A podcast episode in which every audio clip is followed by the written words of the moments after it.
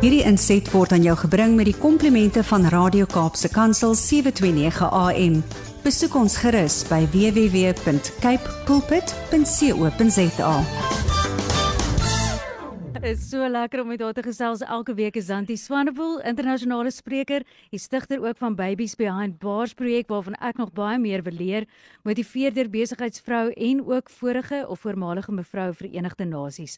Internasionaal Zanti, goeiemôre. Goeiemôre aan julle twee mooi mense daar in die Kaap en al die luisteraars. Nou, ek sê vir kyk Brad is ge-outnumber vandag met die hoeveelheid vroue wat saamgesels op die program is wonderlik vir my.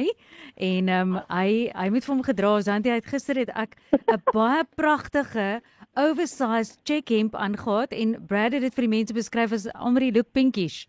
Toe het hulle hierdie pink Teletubby in gedagte, so hy mag nie meer beskrywings op die lig maak nie. So ons weet jou stories beskryf dinge baie beter, so ons kan nie wag nie. Ag, Raak my hart gaan uit na jou te vanoggend hoor. Ek dink nou dit kan met jou identifiseer. Want hy's heeldag hier by ons tussen al hierdie vrouens en girls ja. en dan is die honde nog ook. So ek dink ek dink jy en Lawrence moet op die stadium uitgaan vir 'n ek weet nie wat nie. Oh, Asseblief. Daai daai wonderlik. Zandy, dankie dat jy weer vandag deel ja, net wat in jou hart omgaan en dis vir ons so lekker om met jou te gesels. Ag, sê wat dit is vir my net so lekker en um, ja, vanoggend wil ek oor iets praat wat ek dink, nee, nee ek dink, nee ek weet, elke een van ons. Ehm um, jy kan identifiseer en soms is dit ons grootste ja, ons grootste uitdaging of ja, ehm um, dit waarmee ons moet deel op 'n daaglikse basis, maar ek dink dit is ook die die gedeelte in ons lewe wat die grootste aangeval word omdat dit is waar God se blessing so diep lê.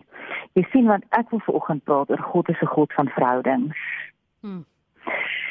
En ek wil vandag vir jou sê dat dit is die kosbaarste kenmerk wat ons van alle ander gelowe skei.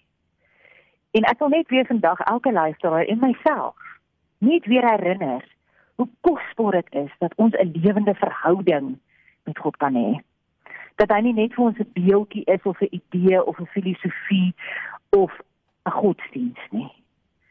Maar dat hy vir ons pa is.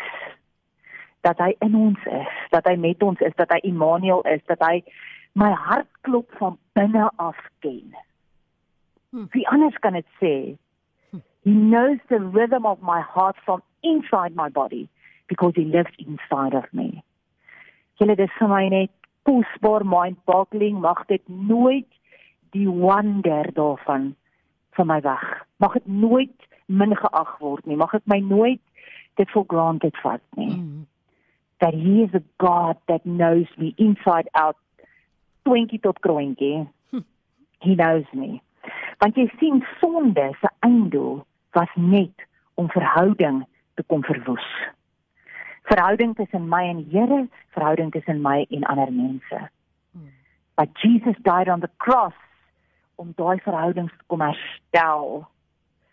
Hy het kom ons stel. Hulle sê verhouding is mos so mooi as dit beskryf word as the way in which two or more people or things are connected or the state of being connected. Hmm. How we regard and behave towards each other. En is dit nie mooi? Ek ek wil vandag vir julle 'n verhouding beskryf want ek kon nie 'n mooier beskrywing daarvan kry en dan gaan my storie ook vanoggend daaraan want ek wil ja. nie hê ons moet enigstens verhoudings tussen mekaar en tussen die Here vandag ons moet dit begin koester weer. Ja. Want dit is dis kosbaar. Maar ek wil vandag vir jou sê that relationships are hard. They are exhausting. They are sincerely unpredictable and time consuming, which are one of the reasons too many of us enjoy relationships with a lifespan of a fruit fly. Hmm. Relationships don't come to us like Christmas packages or neatly wrapped with ribbons and bows. Relationships comes more to us like an abused package from the post office. Ripped, torn, its guts spilling out, the contents often broken. But in this lies our hope. And isn't this the way God most of the time finds us? Daai posbus bakkie. wat stikkend by die ontvanger aankom. Ek los jou vir oggend met 'n storie en dan wil ek regtig vir jou bid. Want daar's nie een luisteraar vir oggend en ek myself en en en, en julle twee in die studio wat kan sê dat al ons verhoudings is 10 uit 10 nie. Hm. Ek dink dit is juist waar waar ons die meeste aangeval word. Omdat dit die kosbaarste geskenk is wat God by my en jou kom herstel het toe hy sy seun aan die kruis laat sterf het. Maar maak nie saak hoe gebroke, maak nie saak hoe seer jou hart vanoggend is nie. Maak nie saak hoe stikkend daai stukke op die grond lê dalk nie. Of hoe groot 'n verhouding is nie. Die Here het vir dit kom sterf. Sodat dit kan herstel, sodat jy vriendskap weer kan koester. Weet jy, soms is dit net net die volgende. Sjoks, ek is jammer. Hm. Ek het regtig droog gemaak flip ek weet ook nie hoekom ek dit gesê het nie, maar weet jy wat, sorry. Soms vat dit net dit om iets te herstel. Ja. Los jy vandag met die volgende. Jy sien op 'n stadium met daai soldate terug by die Kaap aangekom uit die oorlog. En die konflik in die gevegsone was intens. Nou, nee, nie, dit dit was 'n 'n geweldige geweldige konflik en toe hulle terugkom in die Kaap na die Tweede Wêreldoorlog te stel hierdie hierdie persoon die storie. Hy sê die konflik waar ons was in die gevegsone was intens. 'n Klomp soldate is ernstig gewond. Luitenant het een van die troepe benoud gevra. Ek vra asseblief toestemming om terug te keer na die gevegsone. My vriend is nie hier nie. Ek dink hy is gewond. Die luitenant het geskok na die troep gekyk. Almal het geweet dat indien hy hierdie versoek toestaan, die troep sy eie lewe in gevaar sou stel. Hy het dit dadelik geweier. Die kans was in elk geval goed dat die man se vriend reeds gesterf het. Hm. In die hitte van daardie oomblik het die soldaat die bevel van die luitenant verontagsaam en terug na die gevegsone gehardloop. Oomblikke later was hy op pad terug met sy vriend se dooie liggaam in sy arms. En die proses is hy ook baie ernstig gewond. Die offisier was woedend. Ek het jou mos gesê jou vriend is dood. Nou is jy ook ernstig gewond. Maar toe die luitenant sien hoe ernstig hierdie soldaat gewond is, het hy met deernis gevra: "Was dit darm die moeite werd om jou lewe te waag om jou vriend se liggaam terug te bring?" Die sterwende troep het geglimlag. "Verseker, luitenant, want toe ek by my vriend aankom, het hy nog gelewe." En hy het vir my gesê: "Ek was seker dat jy sou terugkom." Ek sien God het aan ons die gawe van vriendskap gegee met mense, maar ook met hom. In Johannes 15 vers 13 sê Jesus self: Niemand het groter liefde as dit nie, dat hy sy lewe vir sy vriende aflê. In Prediker 4 vers 9 staan daar: Twee is beter as een. Hulle inspanning kom tot iets. As die een val, kan die ander een hom ophelp. Spreuke 18 vers 24 daar is party vriende wat met net praat maar niks help nie. Mm. Maar 'n vriend kan vir jou meer lief wees as 'n broer. Mm. God is ons hoop en deur sy seun beloof hy to never leave a man behind. Ek wil vanoggend vir ons luisteraars bid as ek, ek ek weet ek kan so ek gaan en ek doen dit regtig uit gehoor van my want dankie.